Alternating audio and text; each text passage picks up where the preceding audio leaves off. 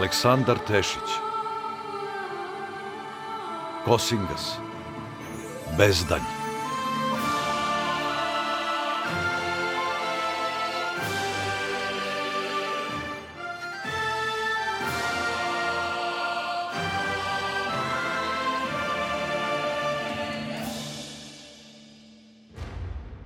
Epizoda 12. Strahor. Subota, 15. avgust leta gospodnjeg 6896. Posle pet dana i noći u molitvi u ispusnici posvećenoj svetom Nikoli iznad Gornjaka, konačno pronađuh unutrašnji mir i oproštaj, pa time i snagu da izađem na svetlost dana. Teško je naći prave reči koje bi opisale moje patnje i sumnje koje su se dotad nataložile u mojoj duši, ako je bolno uzburkala mašina smrt. Ali tamjan koji hrani dušu ume na čudesan način da razbistri glavu i odagna otrovne sumnje. No ipak, kad izađoh na svetlost dana, osetih strašnu prazninu u srcu. Možda mi duša bi ispunjena novom nadom i oproštajem, ali srce mi ostane utešno. Osim bolnog gubitka osetih sramotu i kajanje što zbog mene Draguta ostabe svoje žene, a njihova deca bez majke. Više nikad neću moći da mu izađem na oči. Znam da će me njegova kletva pratiti do kraja života. I kako izađoh iz utočišta koje mi pružaše sveti Nikola u njegovoj isposnici, tako se odma suočih s teškoćama koje su me kao neke čume čekale na polju. Jer izvan sreto higumana Grigorija Sinaita, starog prijatelja, a sadašnjeg neistomišljenika. Ne mogu grešiti dušu.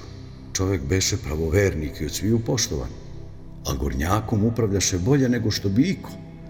Ali kao i drugima, bio sam u trn u oku jer nam se poslovi nikako ne poklapaše.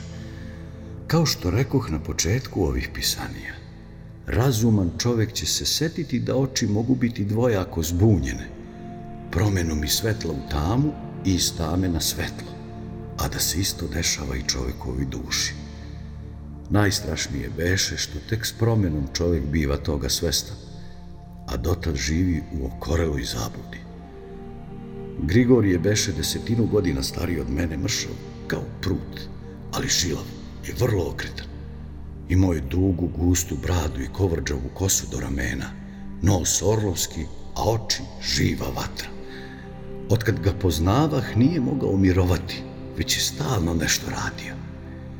I kad sam ga sreo, bio je zauzet slaganjem ribe da se suši na suncu. Provlačio je konopče kroz usta i škrge i kačio je. Beše ravnodušan kad me vidio. Misliš da ćeš okajati grehe s nekoliko dana molitve? Veliš, sad mogu da nastavim po starom. Moje grehe neću moći okajati ni do kraja života, ostanem li u onoj isposnici, Grgure. Ako mi gospodi oprosti, ja sebi ne mogu. Zastranio si. Zastranio si i zbog toga stradaju drugi. Kani se čorava posla, nego se vrati u zagrljaj crkve i spremaj ovaj narod za nedaće koje dolaze. Grli mi ljubim ja crkvu, ali ona mene neće. Kao da ne vidi šta radim i za koga radim. Da ne očekuješ možda neku reč hvale što se petljaš sa grešnicima i šuruješ s jereticima i što zagovaraš neke paganske običaje protiv kojih se crkva uporno bori. Ne očekujem ni reč hvale, ali ni reč pokude. Ali koliko vidim, crkva neke prekomerno hvali, a druge preterano kudi. Neki ispadoše i sveci, a druge dozla Boga ocrniste. Ne bi ti to razumio, Gavrilo. Sve zavisi koliko su oni dragi oku Božijem. Oku Božijem ili crkvi? To je isto. To je isto. To što ti ne vidiš koren, to je tvoje nedaće. Trebalo bi biti isto. Ali se plašim da nije. Ipak crkva odlučuje ko će biti proglašen za sveca. A ne Bog.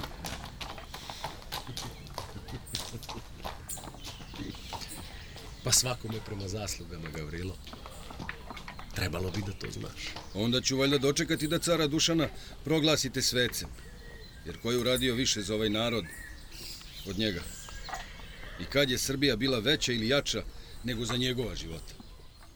E pa, da li ćeš to dočekati, ja sumnjam. Jer su i tebi odbrojani dani. Vidiš valjda da su oko tebe svi izginuli ili se pak razbežali. Ko se razbežao? Kralj Marko, recimo. Gde je Marko Grgure? Valjda te je prozreo. Pa je otišao da se otarasi one bogohulne knjige koju si doneo na ovo sveto mesto. Sram te bilo, Gavrilo. Ma zar da vrač mi ne doneseš ovde? Ma i ne čudi me što ti se najcrnje stvari dešavaju kad se petljaš sa veštičarenjem. Tebi kao da nema spasa. Šta je tačno rekao Marko Grgure? Kuda je otišao? Grgur nastavi svoj posao, ali čuti. Sigurno razmišlja da li da mi kaže. Čekao te dani. Ali nije hteo da te prekida u molitvi. Ja sam mu na kraju rekao da ćeš ti sigurno ostati još dugo u isposnici jer su tvoji gresi beskonačni. A on se navodno uplašio da ostane još ovde i rekao da mora što pre da se otarasi one knjige. Valjda da je uništi. I da će to sam da uradi. Kuda je otišao sa njom? Reče na Vukan. Putio sam ga kako da ga nađe, ali ne razumem zašto da ide tamo gore kad je mogao spaliti i ovde. Kad je otišao? Rano jutros. Možda mogu da ga stignem. Zamolio bih te, Grgure, da prvom prilikom malu Božanu pošalješ kod monahinje u Ždrelo. A i ona je pobegla. Kuda? Otkud bih znao, valjda za kraljem Markom, vjerovatno. Kako znaš? A kad joj rekao da ćemo je narednih dana udomiti, ona je rekla da hoće da ide sa Čika Markom. Jesi li Marka poslao onom stazom iza naše stare crkve Ždrelo? A za drugi put do Vukana i ne znam. Hvala ti, Grgure. U ime starih vremena. Da, Gavrilo. Sve sam uradio u ime naših starih vremena. Bog s tobom, Grgure. I s tobom, Gavrilo. I s tobom. Pohitak do coke koji od sreće što me opet vidi stade da trese glavom i da mi gricka mantiju. I ti si meni nedostojao cokane. A sad moramo hitati. Opasne nevolje čekaju Marka i Božanu. Samo da ne okasnimo. Ne okrenuh se da pogledam Grgura ni moj gornjak, već krenu smo niz mlavu ka starom ždrelu, sad manastiru blagoveštenje, koji beše zazidana pećina, a o kojoj priča smo u našim prvim pisanijama. Trudih se da ne mislim na Mašu i da se ubedim kako su mi dani molitve pomogli da je prebolim, ali osetih veliku prazninu. Bio je Grgor u pravu. Prvih dana bio sam rešen da više ne izađem iz ispusnice. Bestraga i proročanstvo i almanah i sve. Hteo sam se odreći moje titule Kosingasa. Želek da se zavetujem na ćutanje, kao što mi govoraše dobri Todor iz Naupare, i da dočekam svoj kraj u ovoj pećini. Ali nije mi se ni to dalo. Odreći se titule Kosingasa bilo je kao odreći se kože u kojoj sam. Na kraju shvatih da mi nije zapisano u kamenoj knjizi da skončam ispusnički, već u nekom ljutom okršaju s neprijateljem časnog krsta. A Maša, ona će ostati jedina lepa stvar u mom životu. Nepunih pola časa kasnije u žurbi prođoh pored stare crkve zazidane u pećini, pa iako poželek da je opet posetim posle toliko leta, ne usudih se da gubim vreme. Samo sam je osmehom ispratio kao i nekolicinu ispusnika Sinaita koji su se tuda vrzmali. Staza kojom su Marko i Božana krenuli bila je iza okuke. Ne mogah da krivi Marka što nije više čekao, ali ono derište je trebalo da ostane u gornjaku, a ne da trči za njim. Nezadugo od coka i ja krenu smo stazom koja je vijugala u strmu liticu klisure. A kad čovjek žuri, onda mu se noge najviše klizaju, sapliće se i najopasnije je. Kad videh da ćemo i magarac i ja da se izlomimo, morah da usporim dok se ne ispenjemo, a to je potrajalo. Tek popodne izbismo na vrh, odakle u daljini ugledah Vukan gde je staza dalje krivudala između vrhova kroz gustu šumu. Venac beše vrlo krševit, kao i istočna strana planine gde je pri vrhu bila pećina u kojoj je bilo svetilište Strahoru, belom vuku. Zapadna strana planine beše pod šumom. U njenom podnožju sa severa se probijela žuborova krunarica. Iako to beše na obodu uomulja, a utvrđeno ždrelo je odmah u podnožju istočne strane Vukana, ove šume su pohodili svakojaki neljudi. A kako nas sad ovi juriše zbog almanaha, još veća opasnost nam je pretila, a pogotovo maloj Božani. Po talasastoj stazi se hodalo mnogo lakše i brže, pa se nadah da ću ih stići do mraka ako ni oni ne žure. Ali moji strahovi se ostvariše kad je počelo da se smrkava, a od Marka i Božane ni traga. A kako beše još uštap i mesec dovoljno osvetljavaše okolinu, reših da nestajem dok ne uđem u šumu Vukana ili dok se više ne bude video ni prst pred nosom. Coka me je usporavao jer je on slabije video po mraku, ali nema kud, sem da ja klimam kao on. Uz noć se spustila i tišina, svaki šum se mogao čuti. Pa kad se u daljini čuo dečiji vrisak, prepah se kao da je Božana vrisnula kraj mene. Odmah ostavih coku gde se zateko smo, pa potrčah ni slabo osvetljenu stazu u pracu vriska. Sreća što je šuma na krševitom vukanu malo ređa, pa se staza nazire pod mesečinom ali morah da pazim da ne izlomim noge. Kad još začuh topot kopita kako mi dolazi u susret, i suko, kurjak, i naoštrih se za borbu, jer ne zna dok da li je to konj ili ala koja nosi Todorca. Zadihan, stadoh kad ugledah senku koja mi se primicala na stazi. Odmah prepoznah šarca kako frkće, ali i senku koju je nosio u sedlu. Zaustavih preplašenu konja koji me umalo ne obori. Sigurno mi prepoznade glas u ovom mraku, pa se ubrzo umiri. Na leđima nosaše Božanu uplakanu, ali ne povređenu. Laknulo mi kad je videh čitav. Gavrilo, neki strašni bavci nas zaskočiše dok smo sedeli oko vatre. Čeka, Marko je jedva uspeo da me posadi na šarci i da ga potera u beg. Dobro, dobro, dobro. Nastavi polako ovom stazom dok ne naiđeš na coku. Onda stani tamo i čekaj nas. Budi tiho. Ako ne dođemo po tebe do jutra, vrati se kuda si došla. Hoćeš li to umeti? Da. Ajde. Ja nastavih dalje strepeći za Marka. Hoće li uspeti da im se odupre ili će ga poseći i oteti mu almanah? moglo se čuti samo moje ubrzano disanje. Ni zvuk borbe, ni mačeva, ni poklici. Da li su ga već sasekli? Užasnog se od pomisli da ću ga zateći kako leži krvav. Posle Deroma i Maše bio sam ubeđen da će Marko biti sledeći. I njega ću mrtvog na rukama držati. U daljini ugledah svetlost logorske vatre pa malo usporih, da ne odam svoj položaj. Možda su ubijači još tu, a Marko živ. Ali kako se približavah, tako mogah da razaznam oblike u polumraku logora. Psoglavi i Todorci. Ah, da su samo psoglavi, jurno bi s kurjakom među njih. Ali kad su tu Todorci, onda nema glavinjanja. Mora se hladne glave razmisliti. Prišunjak se na 50 koraka od njih, a virim kroz Uzvrpoljuju se po logoru pa preturaju po nekim stvarima i zagledaju naokolo. Nešto traže. U to ugledah Marka kako leži na zemlji pod mrežom. Zlopci su ga savladali bacivši veliku mrežu na njega. Nije ni čudo što više nije mogao da se bori, ali bio je živ koprcao se dok su četiri psoglava čvrsto držala krajeve mreže.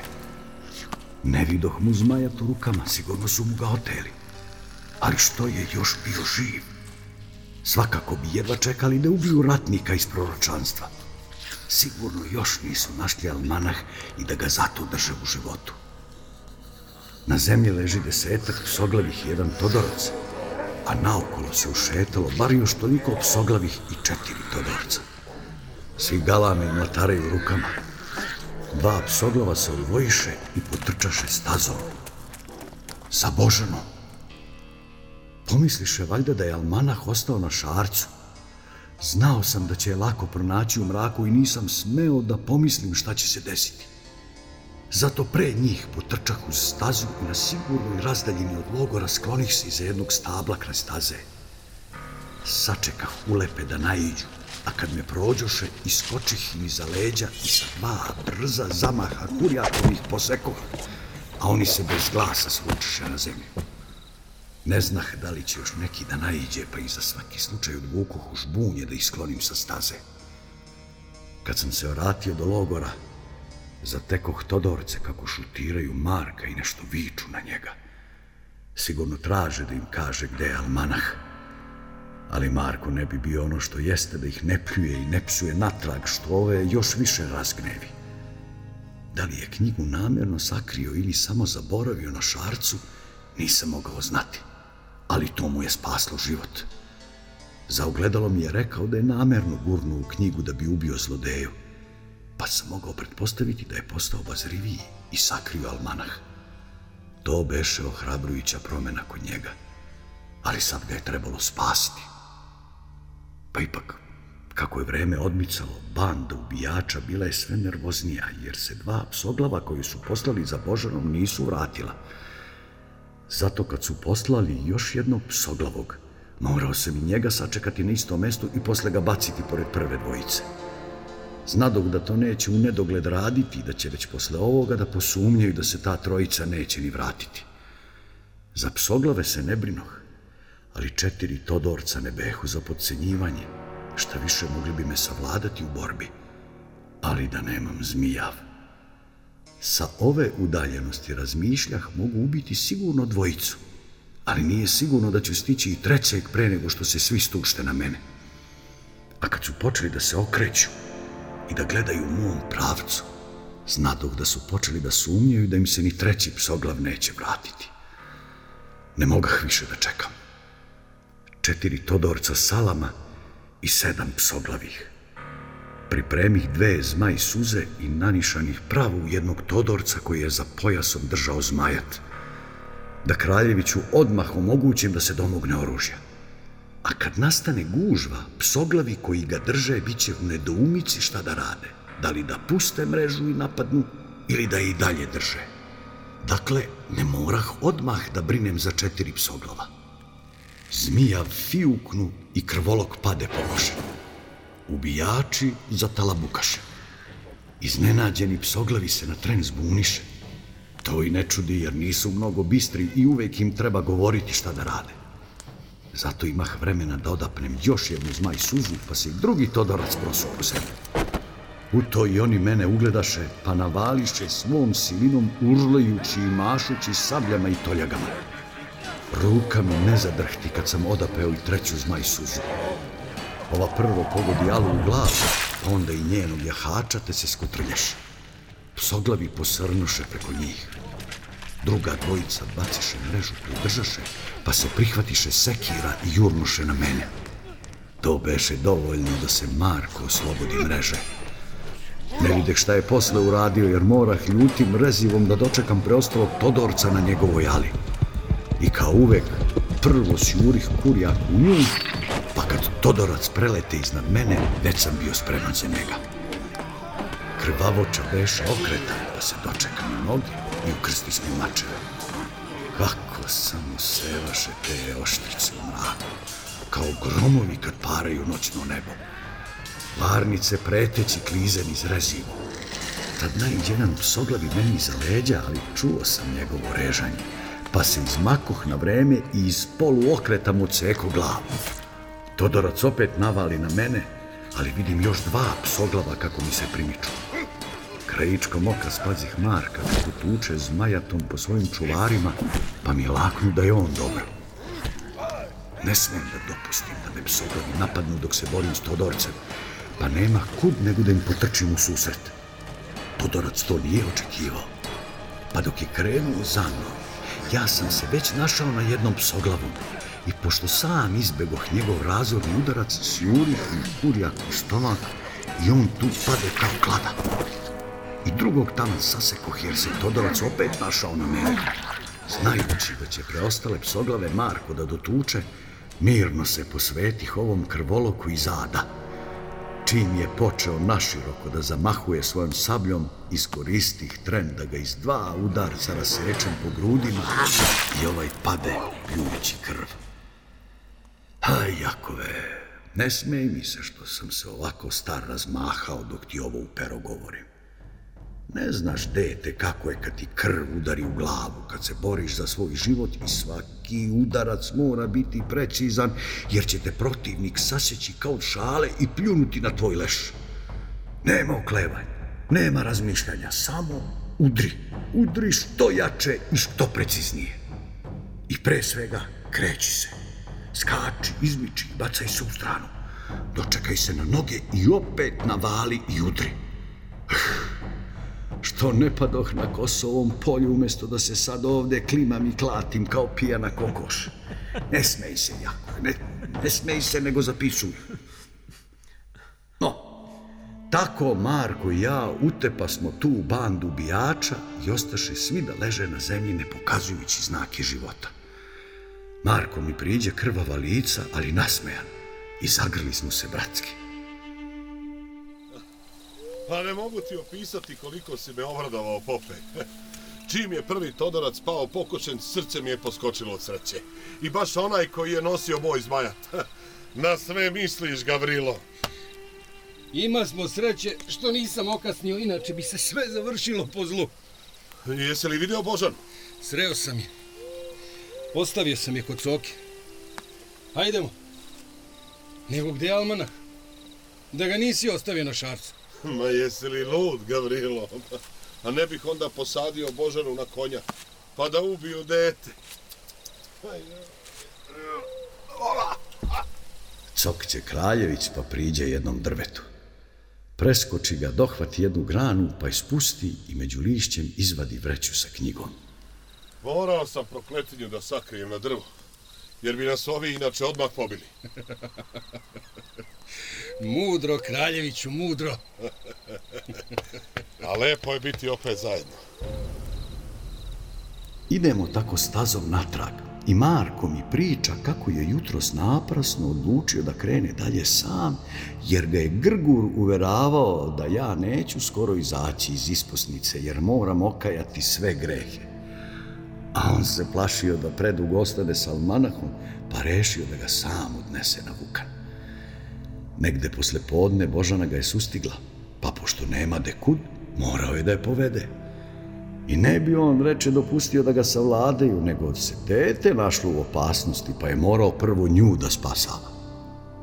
U to stigo smo do Božane koja nam potrča u susret i zagrli nas obojicu. Opet na okup krenu smo dalje po mraku, rešeni da se što više udaljimo od pobijenih bauka i da nađemo bolje mesto za konačište. I boga mi, beše oko ponoći kad siđo smo na krunaricu i među vrbama se skrasi smo. Dotad je Marko već nosio uspavanu Božanu koji su sustigli obhrvanost i preživljeni strah. Na brzinu raširi smo ponjave i naloži smo vatru, pa spusti smo devojčicu da spava između nas. A nas dvojica poseda smo oko vatre i naginja smo o svežaču. Glad nas je prošla, ali nam ova ljutina prija. Popušta nam napetost. Mirna noć, vedra, pa mesečina srebrnkastim svetlom obasjava poljanu oko nas i tihi žuborav. Gledamo Božanu kako mirno spava, pa nam je valjda drago što je sa nama. Umeju deca da unesu radost i kad je sve crno. Ništa nije kao dete koje spava. Sećam se kako sam ja voleo da gledam Mateju dok spava kad je bio mali. Nekad bih mu prišao da oslušnem da li diše. Uvijek sam se plašio da ne ostane nedočuvan. Kažu da je to normalno. On ti je najdragoceniji. Šta je važnije od njega? Sve ovo radimo zbog dece. Sigurno ne zbog nekih baba i deda.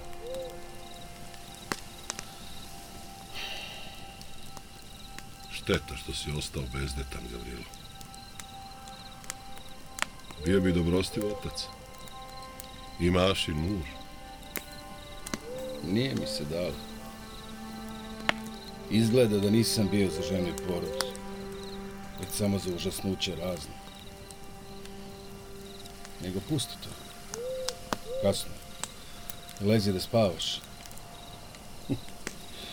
Ako ti nećeš, ja ću. A ti stražari. E, Rado bih ti prepustio sam da mogu. Prijatelju. Marko se ispruži pokraj Božane, pogleda smo se još jednom pre nego što je zažmurio i zaspao. Znao sam da tako misli.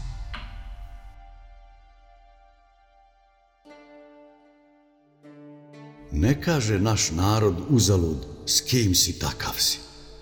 Kako jutro zarudi, tako se Marko već diže i nema više gunđanja i psovanja.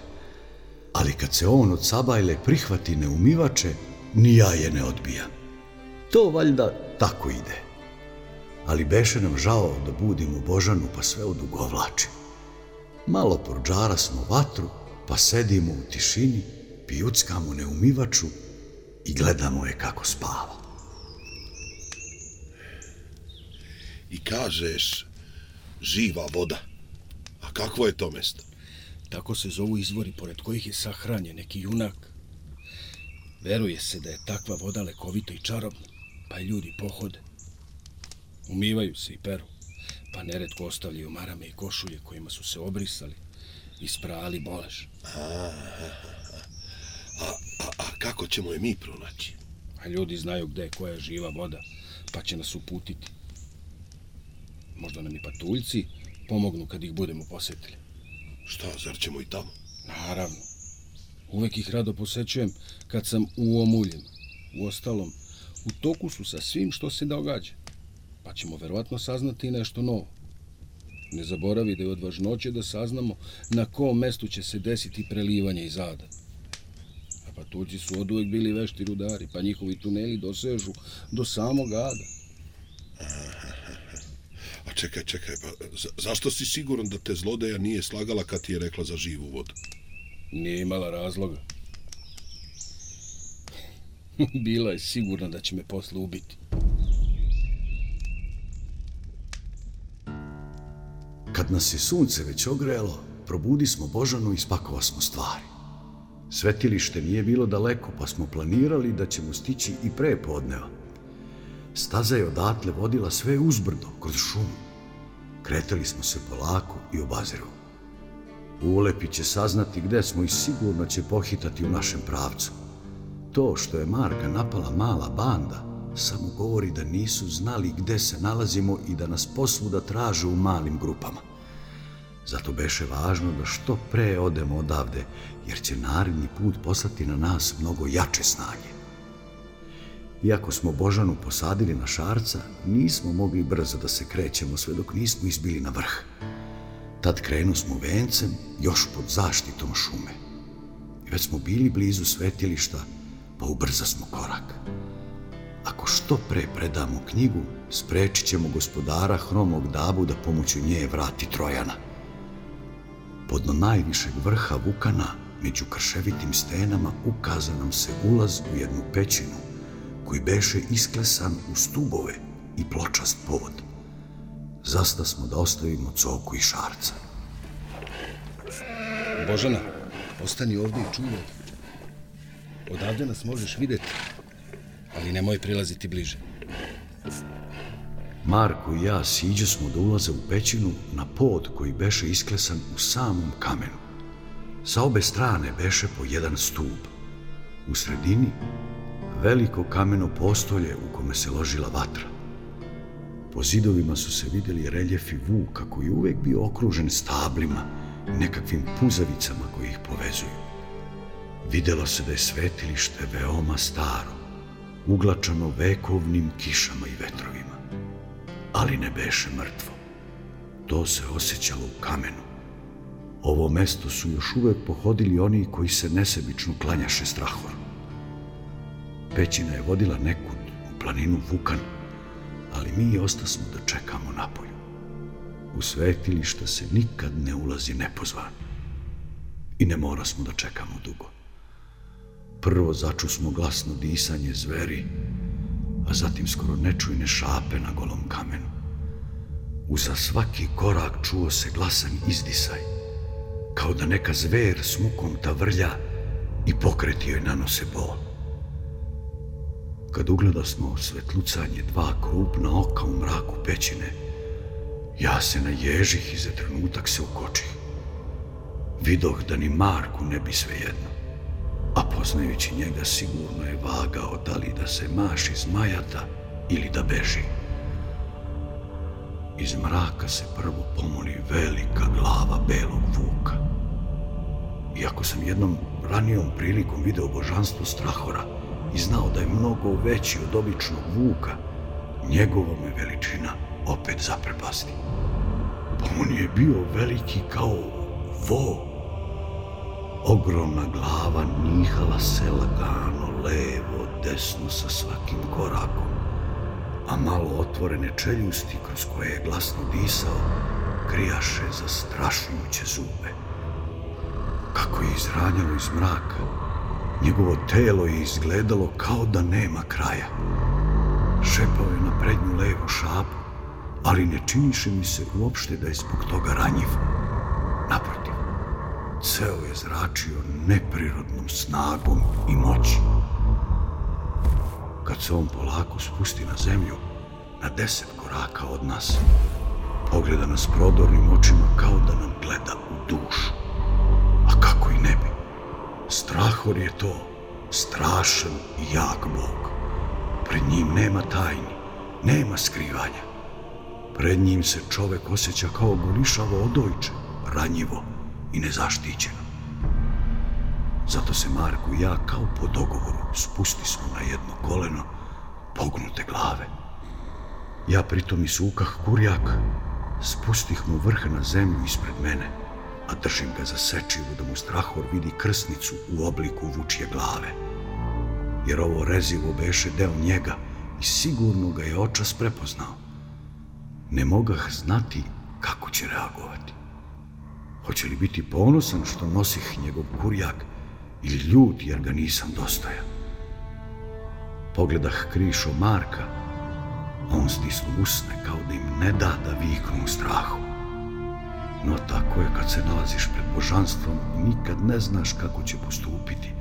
Jesi li drag njegovom oku ili si mu trn? Hoće li te poštovati ili te zgromiti? Kad onako pognute glave pogledah malo ispred sebe, ugledah bele vilinske haljine. Tu, na dohvat ruke, polako podigoh pogled i zaseni me nakrasa besmrtne vile od koje mi srce poskoči. A sve crne misli se rastopiše kao olovni oblaci pod jakim suncem. Ne mogah da odvojim pogled od nje, pa mi bi neprijatno što na primeti privlačnost koju osjeti. A kako opisati takvu lepotu Jakove? Srebrne duge kose, mila lica, oči u koje te razoružaju. Hm. Uzmeš li najlepši poljski cvet i meni ga opišeš rečima. Samo ćeš mi reći kakvog je oblika, kakve ga boje, krase, kakvog je mirisa i kakav je na dodir. Ja na to mogu samo reći da je lep. Ali dok ga ne uzmem u ruku, i ne pogledam svojim očima i ne pomirišem, ne mogu spoznati njegovu pravu lepotu i draž. A takva beše vila vuka, pa neka je svako zamisli kako najbolje ume i kako mu srce poželi i veruj mi, neće mnogo pogrešiti. Zmajeviti su ovde uvek dobrodošli, mada nas redko pohode. Pravo kažeš, pa me stid da te pogledam u oči, lepa gospo. Iako opasak strašni kurjak, a Marko nosi vuči bič na mišici, naši putevi nas često odvedu i nekamo kud nam nije volja. Pa ipak sad ste došli na prag našeg doma i nama je drago kao da nas svaki dan pohodite. Mi se pridigo smo, a ja vratih kurjaku korice da njegovo rezivo ne dobije preteći sjaj. Muka i nevolje sad nas nateraše da potražimo savet i utehu kod mudrog strahora, jer znamo da nas on može najbolje shvatiti i na pravi put uputiti. No, sigurno je da gospodaru strahoru ne moram ništa reći, jer on poznaje svoju zemlju u dušu i zna kako joj srce kuca. Zna kakve brige more. Lepo kažeš, smajeviti. Gospodara brinu muke i patnje njegovog naroda i vajka što napustiše njegovu šumu gde su bili najsrećniji. No on zna da čovek želi uvek više, da je sklon pohlepi i da želi zagospodariti svetom kao da je i sam Bog. U toj želji nam sagoreše tajne koje poneso smo iz njegove šume. I sad smo izgubljeni. Kosingas i dalje nosi te tajne i ostao je veran šumi. Dok i jedan takav čovek postoji, nada nije izgubljena. Makoliko da je mala. I baš ta mala nada nas je dovela na prag vaše kuće, gospod. Muka nas je pritisnula da potražimo pomoć ovde. Znamo da je noćas prolivena krv na našoj planini. Igrom slučaja jedna vredna knjiga nam je pala u šake. I sad je svi žele. Pritom su spremni i da ubiju da bi je se dokopali. Neki je žele zloupotrebiti zarad svoje koristi i na tuđu nevolju. Gospodar Strahor zna za ratnika iz proročanstva i zna za knjigu Čarolija. I da ste vi dragi oku gobinom. Pa je on naklonjen vama dvojici. Znamo šta se pod našim nogama dešava i kakva mržnja ključa u nedrima zemlje. Naše brinuće i strah nisu ništa manji od vaših. Pa ćemo vam rado izaći u susret kako znamo i umemo. Onda prihvatite na dar knjigu Čarolija i sa njom činite šta vam je volja. Jer mi je više ne možemo nositi sa sobom. Za nama je dug trag krvi i suza nedužnih. Prihvatamo knjigu na čuvanje jer nam od koristi nije niti želimo dotaći njene krvave korice. Ali znajte, zmajeviti, ako gospodar Hromidaba dođe sa svojim hordama na naš prag, mi je sačuvati ne možemo. Možemo odbiti stotinu, ali ako ceo ad dođe pod našu planinu i ako zacrni zemlju dokle pogled dopire, Od takve sile nema spasa ni za čoveka ni za Boga. Ali sad je ova knjiga previše teška za nas. I želimo vam je dati na dar ili na čuvanje, kako kažeš, lepa gospod. Skinuh s ramena vreću s almanahom i dadoh joj ga. I kao što osjetih olakšanje zbog manjeg tereta, tako mi isto laknu na duši što se otarasih prokletinje koja je moju mašu koštala života. Dobro je Prosfor govorio. Previše krvi na koricama te knjige. Tek kad skine teret s pleća, čovek shvati koliko mu je bilo teško nositi ga. Ali kako Vila uze levom rukom vreću sa almanahom, tako mi desnom rukom na jednom pruži jedan kalpak od vučine. Iznenadih se, ali ga prihvatih. dar se darom uzvraća. To je Vilzi, vučija kapa koja svom gospodaru pruža brzinu i okretnost vuka. Moćni strahor je daruje ratniku iz proročanstva. Zahvaljujem gospodaru Strahoru na ovome daru. Teška vremena su pred nama i ovo će mi sigurno pomoći. Čuvari hrama Strahorovog javljaju mi da je planina pod opsadom pauka hromog dabe i da se ne može sa nje neprimetno otići. Zato vam predlažem da noćite ovde. Pod nove livade jedan mali izvor i prekrivač od mahovine. Dobro mesto za konačište. A sutra izrana će vam doći zduhač dometije i sprovesti vas kroz našu planinu na koju god stranu želite. Namera nam je da odemo u ždrelo, da se obskrbimo za zimu u omuljima. Mudro. Ova zima bit će duga i hladna i utoliko teža kad je u omuljima dobro se pripremite. Dometije će vas provesti do jednog izlaza koji je na domak ždrela i tako ćete izbeći uhode i bauke hromog dabe. Hvala lepa, gospod. Tebi i tvom gospodaru Strahoru. Prihvatit ćemo tvoj savet i poziv da ovde prenoćimo. Obojica se pokloni smo njoj i belom vuku, i povuko smo se do Božane koja stajaše s cokom i šarcem. Posle oča snađo smo taj izvor koji Vila Vuka spominješe u šumarku ispod hrama i ubrzo se raskomoti smo opušteni što smo pod zaštitom strahora i njegovih čuvara hrama. Od ranije mi beše poznato da hram Belog Vuka čuvaše pedesetina zduhača, za koje govoraše da su slični zmajevitim ljudima, ali da ih krase i neke neobične osobine koje rođenjem stekoše, a po prirodi su demonske. To otud što postoje i zli zduhači sa istim očima, ali se razlikuju po načinu rođenja. Zbog toga govoraše da im duša nije naskroz čista kao što je u zmajevitim ljudima, ali niko ne može reći da je zduhač ipak naopak. Oni se rađaju u košuljici petkom, tačno u određeni čas. Pošteni su i pravedni, a mogu postati nevidljivi i tako vidjeti i druga nevidljiva bića kao što su omaj, osenje i drugi. Dokle god ostanu u senci, oko ih ne može primetiti. Ali čim izađu na sunce, gubi im se veština i postaju vidljivi. Čak i dok spava, zduhaču duša napušta telo i može terati olovne oblake, izazivati vetar. Kažu da svaka oblast ima svog zduhača, kao što ima i krsnika, i oni je ljubomorno čuvaju i štite. Vrsni su i lukavi ratnici, a nema zagonetke koju ne mogu da reše. Poznavah nekolicinu zduhača i uz njih se osjećah uvek kao uz zmajevite junake.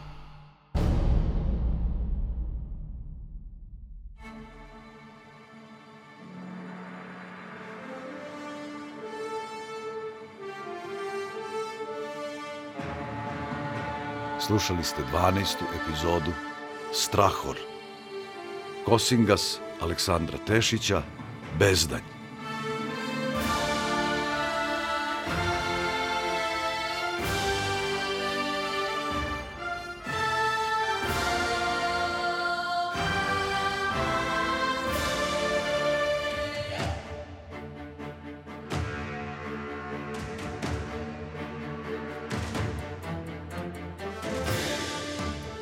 Uloge su tumačili Radoje Čupić, Dejan Šarković, Ljubiša Milišić, Grigorije Jakišić, Aleksandra Pleskonjić, Ana Jovanović.